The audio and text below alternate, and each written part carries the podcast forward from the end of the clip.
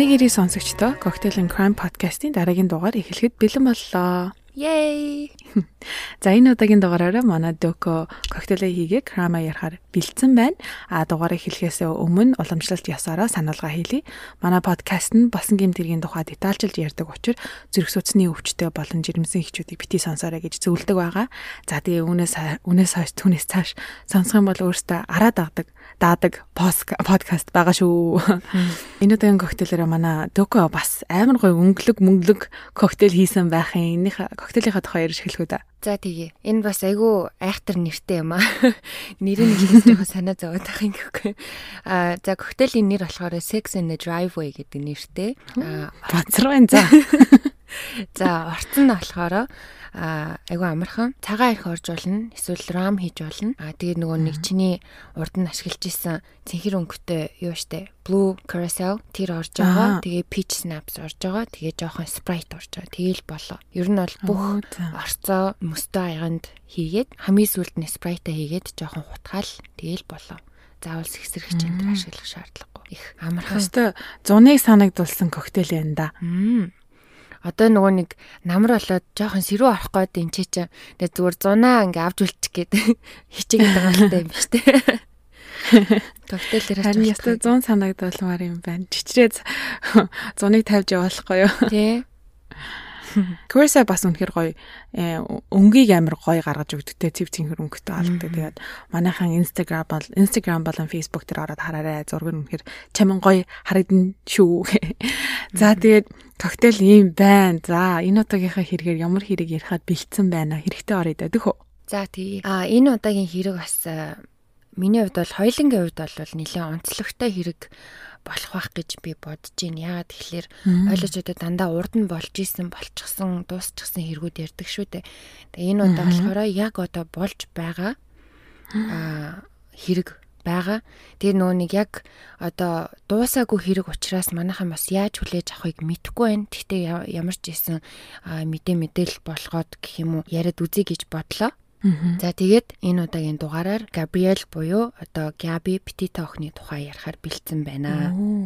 За Габриэл охин болохоор 1999 оны 3 сарын 19-нд Америк нэгдсэн улсын Нью-Йорк мужийн Long Island хотод төрсөн. Ээж аав хоёр нь болохоор Габиг нэлээд жоохон бахт нь салсан юм билээ. Тэгсэн ч гэсэндээ одоо ээж аав хоёр нь удалгүй өөр өөр хүмүүстэй гэрлээд хоорондоо бас ив найрамдалтай тийм одоо өнөр хөтгөн гэх юм уу да гэр бүл байсан болохоор Габи ер нь бол хоёр талын хойд аав болон хойд ээжтэйгээ тэгээд тэдний хүүхдүүдтэй маш ойр дотн өссөн. Төрсөн эцэг хойд ээж хоёрынхоо дундаас болохоор хоёр хүүхэдтэй аавынхын талаас хоёр дүүтэй гэсэн үг. А ээж болон хойд аав хоёр нь дундаасаа нэг хүүтэй болсон болоод ингээд Габи доороо гурван дүүтэй юм байна. Габигийн найзууд болон гэр бүлийнх нь болохоор түүнийг маш ийдэг, айгүй хөөрхөн ааштай бас юм зураг зурх аяастай гэж ярьж илээ. Тэгээ бас багасаа айгүй тийм байгаль тайртай, аялах дуртай тийм хүүхэд байсан юм байна. Энэ хоббигоороо Габи найз залуу болох 23 настай Brian Laundry гэдэг нэртэй залуугийн хамт урт хугацааны аялалд одоо ван буюу одоо манайхаар одоо фургон юм уу да. Фургон шиг тийм машины доторхыг хүн амьдрч болох хууц болгож засч тогтжуулаад аялахаар болцгоосон. Габигийн зорилго нь болохоор аяллахын тухай влог хийгээд ютубер болох тийм хүсэлтэй байсан. Тэгээ ер нь бол цаашдаа тэр ютубийнхаа сувгаар санхүүгөө олоод хажуугаар нь ажил хийх шаардлагагүйгээр бүтэн цагаар гэх юм уу ютубер болох тийм зорилготой байсан юм байлээ. Тэр ютуб сувгаа эхлүүлэхийн үед бол эхлүүлсэн. Сувгийн нэр болохоор Nomadic Static гэдэг нэртэй тийм сувг байгаа.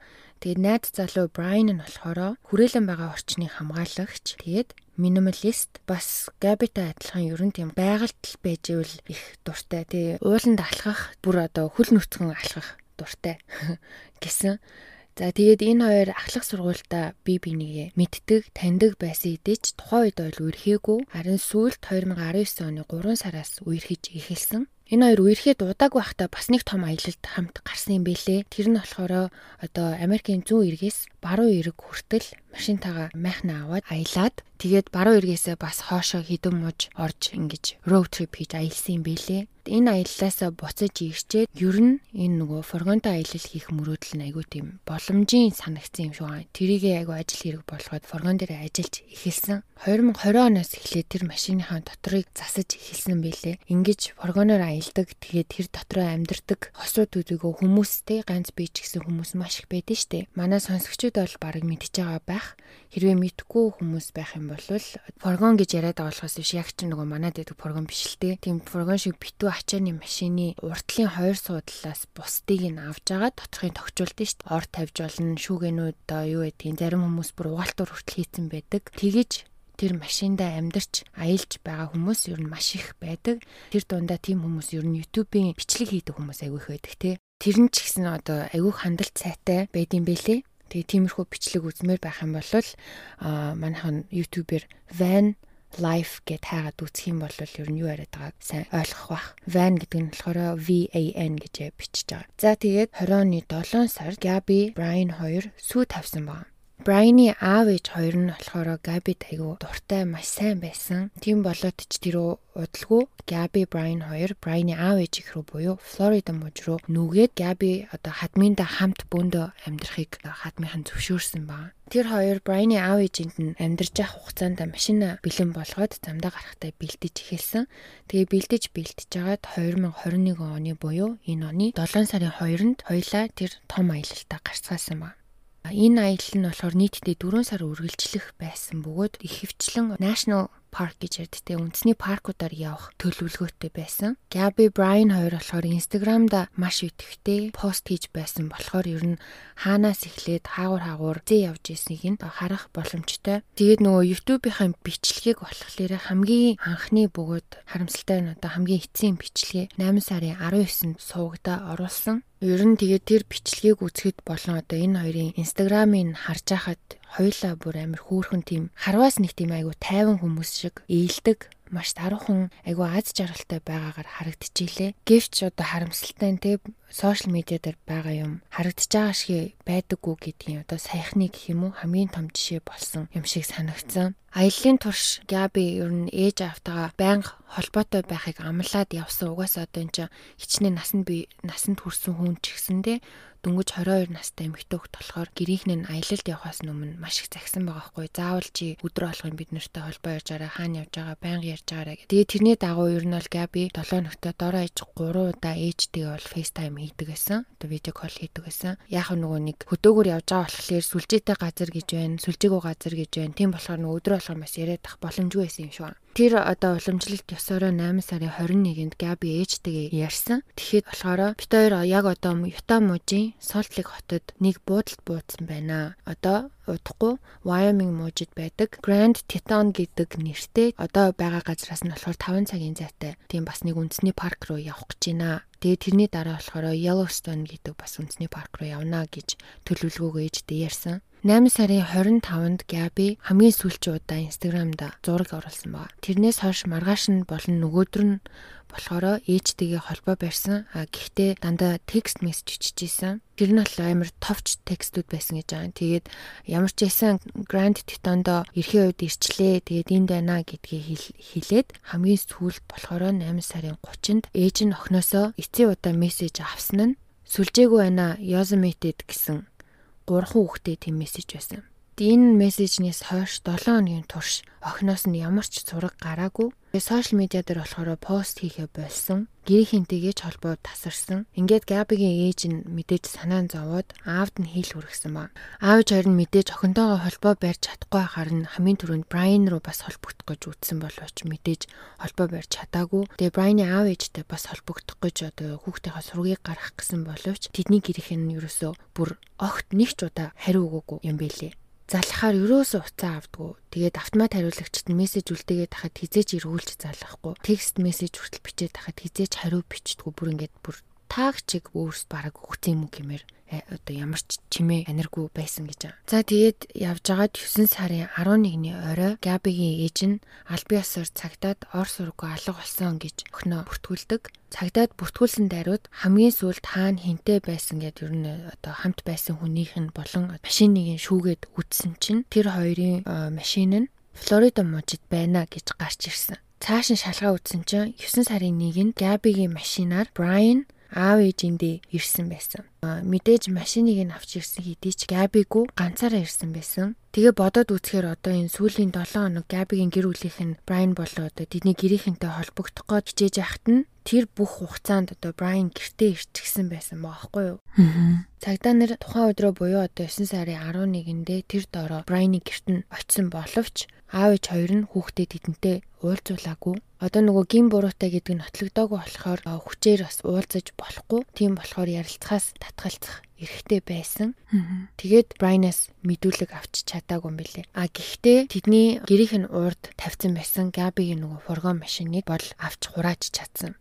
Яг хэрэг чинь нөгөө Брайны өмч биш Габигийн өмч учраас. За тэгээд энэ машин нь болохоор одоо хүртэл цагтаа дээр эд мөрийн баримт гээд хадгалагдчихж байгаа юм билэ. Одоо хүртэл тэн дээр шинжилгээ хийж байгаа. Брайн болон одоо тэдний гэрээхэн харин одоо болтол хинтээч бүр хинтээч юу ч яриаггүй бүр чив чимээгүй байгаа. Тэр нөгөө нэг чимээгүй байх ирэх гэж ядчтэй Fifth Amendment гээд үг хэлэхгүй байх ирэх гээд тэр эрхээ идлээд байж байгаа юм билэ.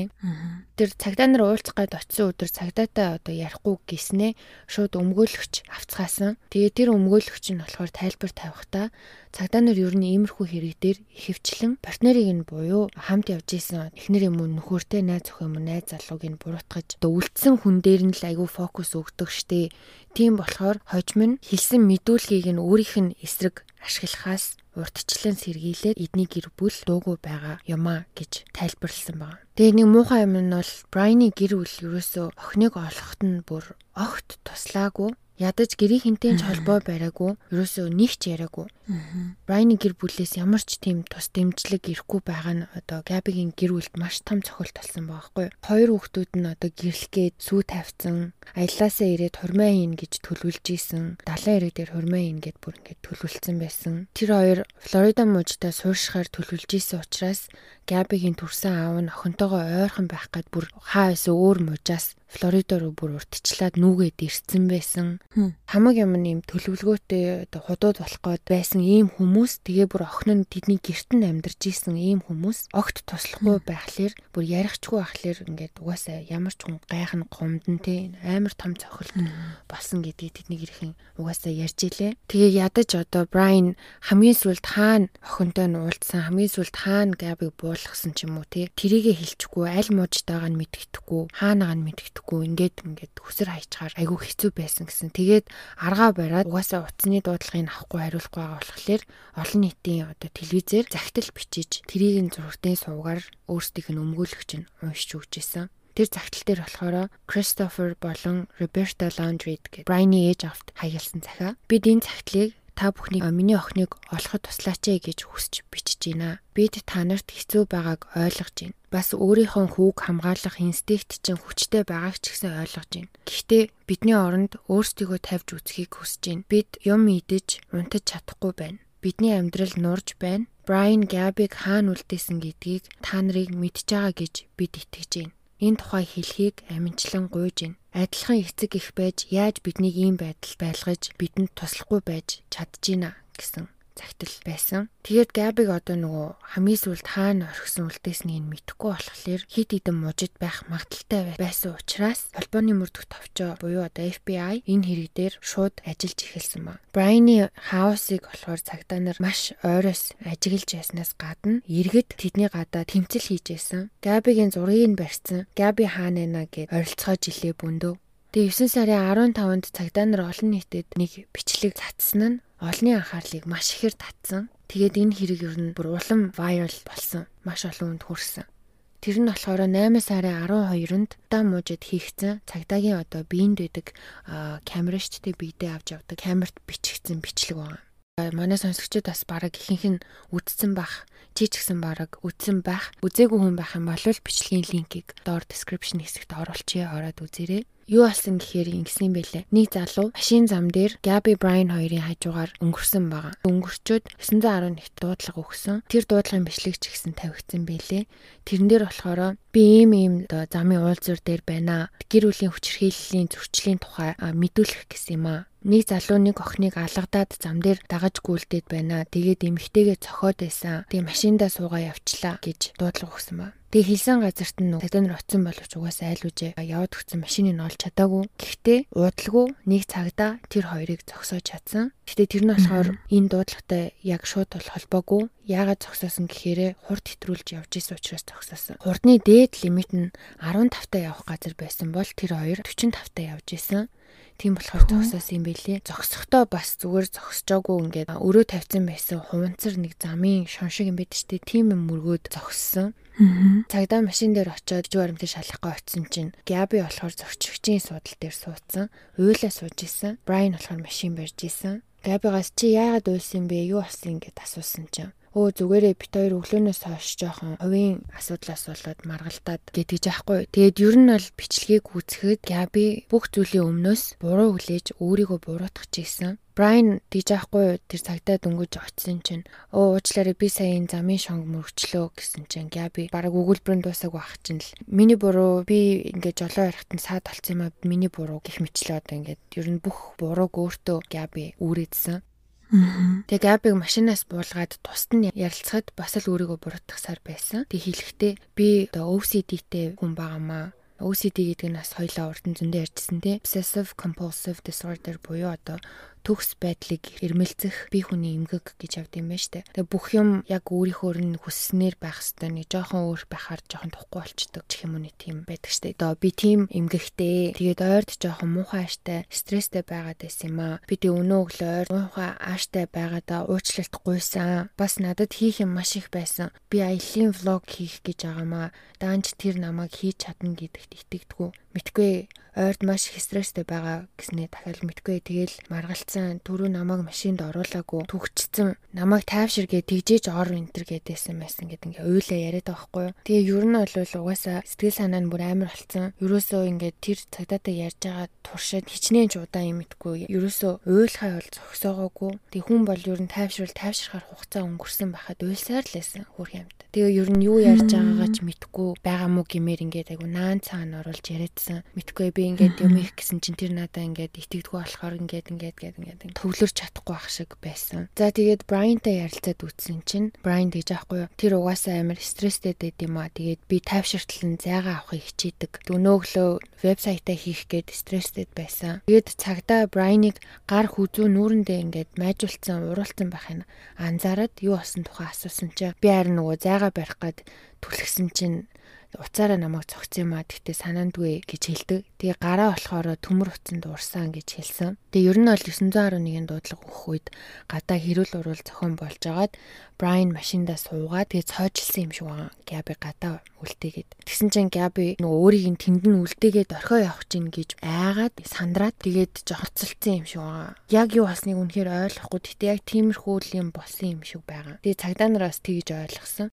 Тэнд байсан одоо дуудлагаар очсон цагдаа нар хоорондоо ярилцаад Брайан биш яг үнэндээ Габи чирхийлэгч Брайан бол хохирогч юм байна гэж үтсэн. Тийм болохоор Габи гэр бүлийн хүчрхийл үзүүлсэн гэж хорих гэсэн боловч хоёр тал хоёулаа гомдлгүй гэд битэрийн хинийч битээ хориоч гэж гуйсан юм бэлээ. Тэгээ ер нь бол би биедээ бит хоёр маш хайртай удалгүй хормоо ихж байгаа хосууд байгаамаа гэд бит хоёрыг ингээ явуулчихалтаа гэж гуйсан юм бэлээ. Тэгсэн чи одоо нөгөө хуулаараа болохоор явуулж болохгүй заавал нэг арга хэмжээ авах хэрэгтэй юм байна л да. Тэгээд тэдний авсан арга хэмжээ нь болохоор Брайан Габи хоёрыг нэг шүн одоо тэр өдөртөө тус тусад нь хонуулах болсон. Маргааш өглөөр нь Брайан цагдаа дээр очиод хол заавал байх ёстой гэсэн альбан бичиг хийж өгч байгаа юм л да одоо энэ өдөртөө.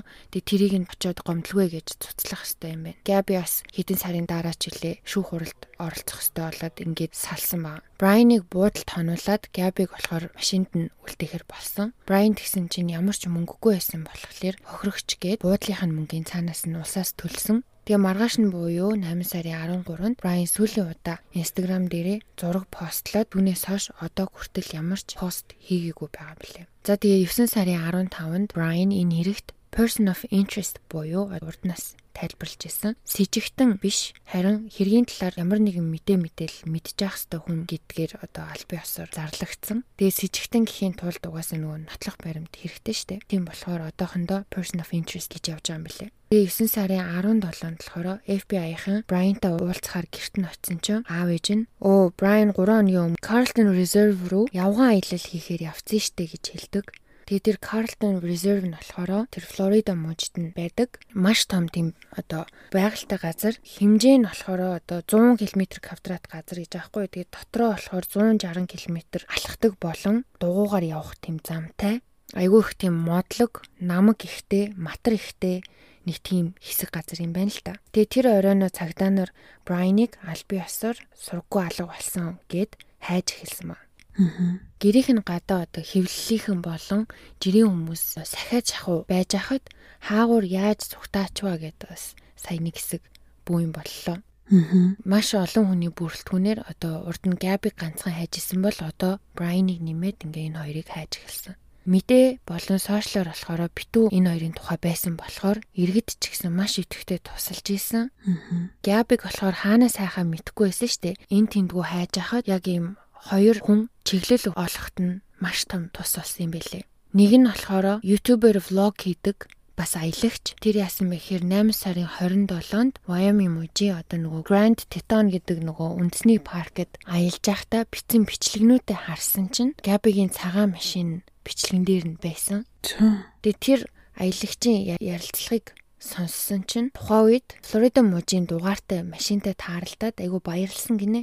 Яг тэгэхээр Өөрсдөө ч гэсэн Флоридагаас ирсэн хүмүүс байсан учраас одоо ийм бөглөө хаа байсан Wyoming-д ийм хөдөө газар одоо нэг мужийн хүмүүс хамт ингээ бас адилхан аялаад явж байна гэдэг ядаж тэгээ минд мэдээд өнгөрөө доо гэж бодоод айгүй уг нь баярлаад тэгсэн боловч машинд нь хинч байгаагүй Тэгээд за за угаасаа цаашаа ингээ явган аялалд явцсан байлгүй дээ гэж бодоод өнгөрсөн ба. Тийм болохоор одоо нөгөө санаанд айгу тод бууцсан.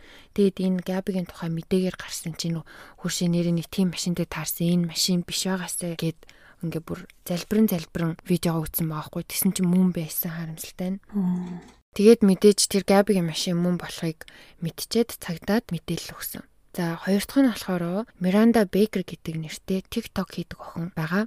Тэр болохоор 8 сарын 29-нд найз залуутайгаа Grand Teton-д явж байгаад зам дээрээс Brian-ыг аваад зам төхөөлж өгсөн тухайга TikTok-то хийсэн. Тэгэхээр одоо 8 сарын 27 29 гэхээр хамгийн сүүлд ямар ч исэн Grand Teton-д байсан гэдэг нь тогтоогдож байгаа шүү дээ хэрвээ энэ хүмүүс үнэн хэлсэн бол. А тэгээд явж агаад 9 сарын 19-нд харамсалтай нь Габигийн цогцсон хэсгийг яг тэр хоёр хүний хэлсэнчлэн Grand Teton паркаас олсон. Тэгээд одоо ингээд охины цогцос олдсон учраас одоо аль биесээр хүн амны хэрэг болж өөрчлөгдөж байгаа. Яг маргааш нь буюу 20-нд цагдаа нар Брайны гэрээг нь нэгжих зөвшөөрөлтөөр очиж гэрийн хэргийн газар гэж үзсэн болохоор маш сайн нэгжлэг хийсэн. Тэдний гэрээс бас маш олон зүйлийг мэдмөрийн баримт байж магадгүй гэд хурааж авсан байна. Нийтдээ 25 FBI агентууд дээрээ бүрэн тоноглогдсон тийм хувцастайгаа тэднийхийг нэгцэн гэсэн турааж авсан зүйлс дотор нь одоо компьютер болон бас бас электрон хэрэгслүүд, зурагнууд болон одоо Брайны машиныг авч явсан. Одоо тэгээд өнөөдрийг хүртэл Брайн ор сургуу алга болцсон байдалтай байгаа. Тэгээ одоо болтол болохоор с ิจ гтэн биш person of interest гэдэг хിവэрээ. Аа тэгээд тэр 90 сурвалжилж байгаа нь болохоор заллингийн хэрэг дээр тулгуурлаж 90 сурвалжилж байгаа. Тэгээ юун заллин бэ гэхээр Габи алга болсны дараа түүний банкны картыг кодоор нь ашиглаад хэрэгэлсэн. Хэрвээ Брайан баригдах юм бол энэ хэрэгээр нь саатуулах боломжтой гэсэн үг. Шүүх эмнэлгийн дүгнэлтээр бол гадны нөлөөтэй амиа алдсан гэдгийг нь тогтоосон хэдий ч яг үхлийн шалтгаан буюу одоо яагаад тэгэд хизээ амьсгал хураасныг бол FBI одоо болтол олон нийтэд зарлаагүй. Олон нийтэд байтугай ар гэрээхэнд нь ч гэсэн хэлээг байгаа юм билэ. Бас нэг цуу яриа байсан нь болохоор Габиг жирэмсэн байсан гэж хүмүүс ярьж илээ. Аа. Сая хэдхэн хоногийн өмнө Габигийн гэр бүл доктор Фил шоунд орсон. Хоёлоо доктор Филийг бас урд нь зөндөө ярьжсэн тийм манайх одоо сайн мэдж байгаа. Шоунд болохоор Габигийн төрсөн ээж нь хойд аав нь, хойд ээж нь болон төрсөн аав нь тэгээд өмгөөлөгч гэсэн бүрэлдэхүүнтэй орсон байлээ. Тэгээ амир хөөрхөн нь хойд аав нь бүр яг өөрийнх нь аав шиг нь санагдсан. Аа. Хоёр настайгаас нь хойш угаасаа өсгсөн гэж ярьж илээ. Тэгээ бүр яг юм өөрийнхөө юм шиг угаасаа тэр дөрөв дөрүүлээл тэгж хайрладаг айгүйх одоо хайрын дунд өссөн хүүхэд юм байна да гэж бодогдсон. Доктор Фил болохоор өөрөө хэлэхдээ Брайны гэрийнх нь одоо хүүгээ өмөрж байгаа гэд хэргийг улам хорцдуулаад өөрсдөө л ер нь муу юм хийгээд байна гэдгийг хэлсэн. Хизээ нэгэн цагт Брайан баригдаад шүүх хурал болох юм бол иргэдийн төлөөлөгчд суулгаж байгаа л өмнө нь юм ярина штэ тий. Одоо тэднэрт итгүүлэх ёстой штэ юу болсон тухай. Тэгэхэд одоо тэдний өмнө юу гэж хэлэх юм бэ? Юу гэж хэлэх гэж байгаа юм болоо? Хүүхдээ буруу юм хийсэн багт нь хэрэгээ хүлээ гэж ятахын оронд нуун дарагдуулж байгаа хүмүүсийн үгэнд хин итгэвдээ тий. Аа тийм дээ. Юу ч хэлсэн тэднэрт итгэхгүй болоод хүүгээ улам алаад байна гэж хэлж илээ. Тийм шүү дээ. Маш сэжигтэй санагдтал. Улам нууж дарах тусамл. Аа. Тэгээ бас тэр нэвтрүүлэгт гэр бүлийнхний хоёр аав нь хоёр ээж нь дөрүүлээ гарн дээрээ яг Габитай адилхан Габигийн гарн дээр байдаг. Тэм өөрт нь байдаг шивээсийг хийлгсэн бэлээ Габи зориулж. Ээж нь хэлэхдээ охин нь амар зурх авьяастай байсан. Тэгээ тэрийг айгуу дэмждэг байсан гинэ. Тэгээ өөрөө гарн дээр шивээс илгэх гээд нэг цэцэг оролцоор агаад өөртөө бүр ингээд төгс таалагдсан цэцгээ зураад тэгээ тэрийгэ шивүүлсэн гэдгийг нээж нь хэлж илээ. Бас шивээсний машин авч өгсөн гинэ охиндоо. Одоо хоббигийн дэмжиж гэх юм уу? Ясын дэмжиж тэгээд тэр шивээсний машинаараа аав нь тоглолт хийжлээ. Би бол өстой хизээч габигаар тэрүүгээр одоо анхныхын туршилтын тулаа болохгүй байсан байсан. Дүүн тэгсэн чинь би хийлгээгээд дүү дээрээ бас шивээс хийж өгсөн гинэ. Анхны бүгд одоо эцсийн удаа. Тэгээд ээж нь хэлэхдээ тэр бол одоо дүүдээ өгсөнтэй хамгийн сүүлийн нандин тийм бэлэг болж үлдсэн гэж тэр тухай ярьж илээ. За тэгээд нэг ийм хэрэг байна. Мэдээгээр манайхан бүгд л энэ охины цариг бол харсан бах юу болсон тухай одоо ингээд жоохон ч гэсэн мэдээлэлтэй болсон байх. Тэгээ цаашдаа мэдээж хэргийн талаар шин шин мэдээллүүд орох болгонд бит хоёр Instagram болон одоо Facebook хуудсан дээрээ апдейт хийгээд яваад ах болно. Тэгээд Brian хэрвээ амьд мэд баригддгийн бол мэдээж шүүх хурал нь болоо тэг яг юу болсон тухай бид нараас мэдэх боломжтой. Тийм учраас одоо Facebook болон Instagram-аар тэр мэдийг хүлээж агаарэ. Юугасаа эзэн нэгэн цагт амьд байгаа л бол баригдчил таарна хийсэн хэргийнхээ одоо үнэхээр хийсэн бол тэг габиг алсан бол шангаа хүртчил таарна. Тэгээд бас нэг юм хэлгээд энэ тухай одоо Америк төдийгүй дэлхийд даяар шуурж байгаа ингээд хүмүүсийн анхаарлыг татаж чадсан хэрэг болж байна. Тийм учраас энийг дагаад нөгөө фейк ньюс буюу одоо хуурамч мэдээлэл болон одоо хуурамч янз янзын профайлууд өстой бүр ийн тэндгүү нэрээ борооны дараах мөг шиг гарч ирсэн бэлээ. Тэгээд энтэй жирийн хүмүүс бид нар байтугай одоо цагдаа нар тэмцээд үнэхээр дийлэх байгаа юм билээ. Тэгээд та нар ч гэсэн одоо энэ тухай мэдээ мэдээлэл авахта баталгаатай мэдээ мэдээллийн сайтуудаас одоо мэдээлэлээ аваарай гэж хэлье. Тэгэхгүй бол одоо Өстө яан янзаар л ярьсан байлээ. Брайан тэнд байгаа, ингэсэн байна, тэгсэн байна. Тэгэл бас нэг аа яг тэр Габиг нас урдаг үед бас нэг хоёр ижил үстэн хос алуулсан юм байна тэгэж яг адилхан кемп хийж явж агаад майхан дотроо байхад нь алсан тийм хэрэг болсон. Хоёр эмэгтэй. Тэгээд тэр хоёрын хэрэгтэй бас холбоотой энэ төр гэж хүртэл шуурсан гих мэтлэн ер нь бол айгүй тийм хуурамч мэдээллүүд гадуур их байгаа. Одоо тэгээ сонссон болгондоо итгэхгүй нахнаа бас одоо энэ сошиал медиагаар харагдаж байгаа шигэ бүх юм байдаггүй ахнаа гэдгийг манайхан бас амар сайн ойлгож байгаа. Би бол тэгээ маш сайн ойлгож байна. Тэр хоёрын ингээд зураг мураг битгий үзэхэр нэр үнэхээр амар ад жаргалтай. Айгүй хөрхөн хосууд байгаа байхгүй юу? Харамсалтай тэгээд ийм болж идэг. Брайан ч гэсэн одоо тийм хүн алчхаар царайтай ч юм уу тийм амар хэрцгий муухай одоо гэдгийг нэг тийм хүүтэн мөтөн бол царай байхгүй.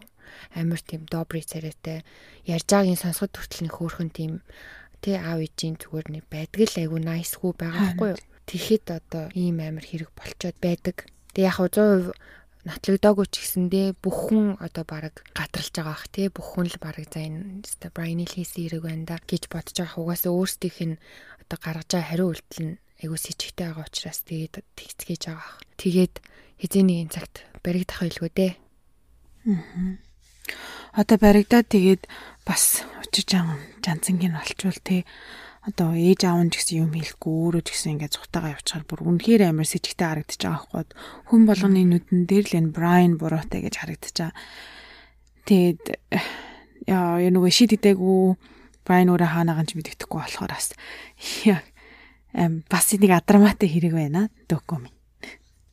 Би нэг ганц хоёр юм уншиж хахад тэгжсэн Brian хин Gabi хоёр хоёлоо бол бас ийм тэгэл санааны одоо асуудалтай хэм үү depression тийм гүн готрол мотролд орж исэн тийм хоёлоо баг зэргийн тийм түүхтэй тэрнээсээ болоод бас яг нөгөө хоорондоо одоо харьцагтай ч юм уу одоо юу хийдэд 100% ирүүл ч юм уу те тийм харьцаатай байгаагүйгээд тэр бол бас яг л нөгөө юу л дээ нотлогдоогүй зүгээр одоо таамаглал гэх юм уу да дүгнж ярьж байгаа шүү дээ тийм юм уншиж исэн бичлэг зургийг нь харахад бол нэг хөөхөн хоёулаа тий болно харин тийм тэр нөгөө нэг тэр хоёрыг би бинийгээ одоо зохиод энэ зодоод энэ гэсэн дуудлагын дагуу очисон үе штэ.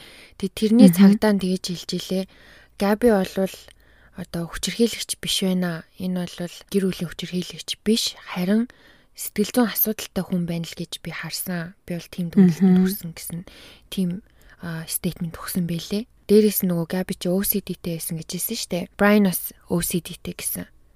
Аа зөв зөв. Хоёлаа ижилхэн одоо юм сэтгэл зүйн OCD-ийн асуудалтай ч гэсэндээ одоо тэр хоёр хүний төгс төгөлдөр байдал нь одоо хоёлоо өөр байгаа штэ. Тэрнээсээ болоод бас маш их зөрчилдөөн гардаг байсан баг. OCD хүмүүс ингээд гаднаас нь одоо мэдхгүй хүмүүс харахаараа одоо бидний нүдэнд болол одоо баг юм сүртэй гэж харагддаг байх одоо энгийн хүн одоо тийм OCD-г өвчин өвчнгөө хүн штэ. Тэгээ би нэг аа нэг богино хэмжээний кино үзчихсэн ах юу За тэрэн дээр ингээд яг OCD-тэй хүний толгоонд одоо юу болж идэг вэ гэсэн тийм одоо тайлбарлах маягийн тийм богино хэмжээний одоо кино байсан.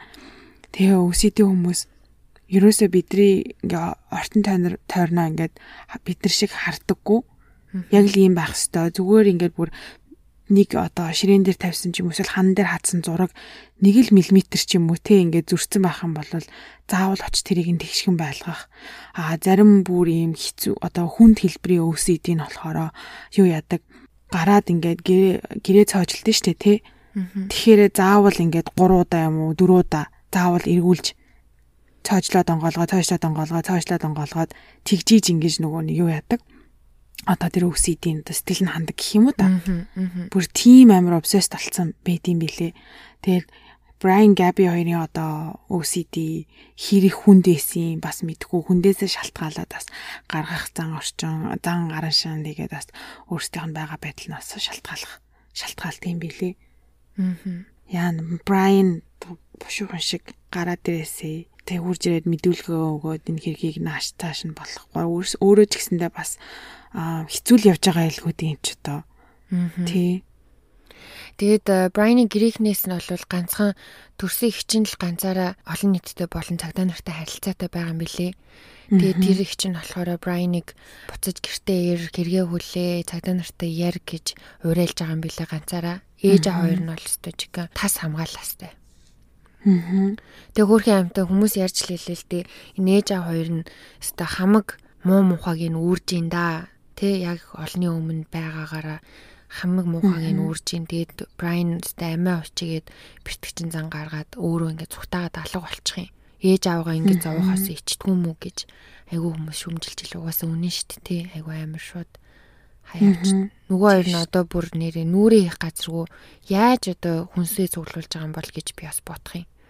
Бүх зураг мураг хамаг юм интернетэд байгаа юм чам. Тэгээ дээрээс нь бүр энэ Америкт ойрд ингэж амар сенсацлаагүй хэрэг штэ. Хэрэг ер нь ингээ ойрд ийм амар сенсацтай байхыг би л санахгүй байна. Энд ч бүх мэдээгээр гарч штэ. Тэгээ энэ хоёрын тухай ингээд апдейт хаагаад Google дээр үзэхээр тэгээд бараг 2 цаг тутамд л нэг шин мэдээ мэдээл орж байгаа хгүй юу? Яг яг одоогор бол одоо яг яриа сууж байгаа одоогор бол урагшилсан юм байхгүй. Стил одоо Брайны хайгаастай.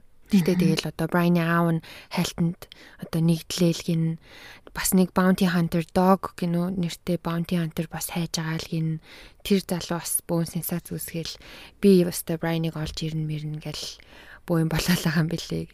Гэх мэтлээ одоо маш мэдээллийн мэдээ мэдээллийн хэрэгслүүдээр яригдчихээн маш олон хүмүүс одоо юм болсон явдал сонирхдаггүй хүмүүс хүртэл энэ тухай мэдээд байна. Тэгэхээр бас жоохон сонирхолтой байж магадгүй гэж одоо ongoing уу те одоо яг одоо актив байгаа ийм хэргийг ярьж үзлээ. Тэгээд манайхан бас юу гэж бодож сан сэтгэлээ хуваалцаарай. Би бас дөгөгөө ийм энэ хэргийн тухай ярина гэж юусоо бодоогүй байсан. Тэгсэн чинь бас маш сонирхолтой хэргийн тухай ярьлаа. Бас яг одоо болж байгаа болохоор одоо одоо уншаагүй мдээгүй мэдээ мэдээллийг бас хүмүүст одоо хүргэсэнд маш их баярлалаа гэж хэлмээр байна. Би ч гэсэн өөрөө бүр амар анхаарал тавиад за тэгсэн нэрээ ингэсэн үүдийг сонсч ийсэн ингэж ийсэн гэх бүр өөрөө орцсон сууж байна. Ер нь бол бүх хэрэгэн дээр нь ордог л доо. Гэтэ энэ удаагийн хэрэг дээр бас бүр нилээн орлоо. Яг одоо болж байгаа хэрэг болохоор тэгээд удахгүй энэ хэргийн очиж ансан тайлэгдаасаа гэж би бас хуваараас амир хүсэж байна. Тэгээ манайхан бас манай сонсогч нарт таалагдсан гэдэгт би бол итгэлтэй байна. Тэгээ YouTube болон Instagram, Facebook дээр ороод бүгдээрээ санал сэтгэлдээ хуваалцаарай гэж хүсмээр байна. За тэгээд энэ болтол сонссон сонсогч хэн байдаг үлээд өгөө? MVP MVP шүү. За тэгээд энэ удаагийн дугаар маань ингээд өндөрлөж байна. Дараа дараагийнхаа дугаар хүртэл түр баяртай. Bye. Bye.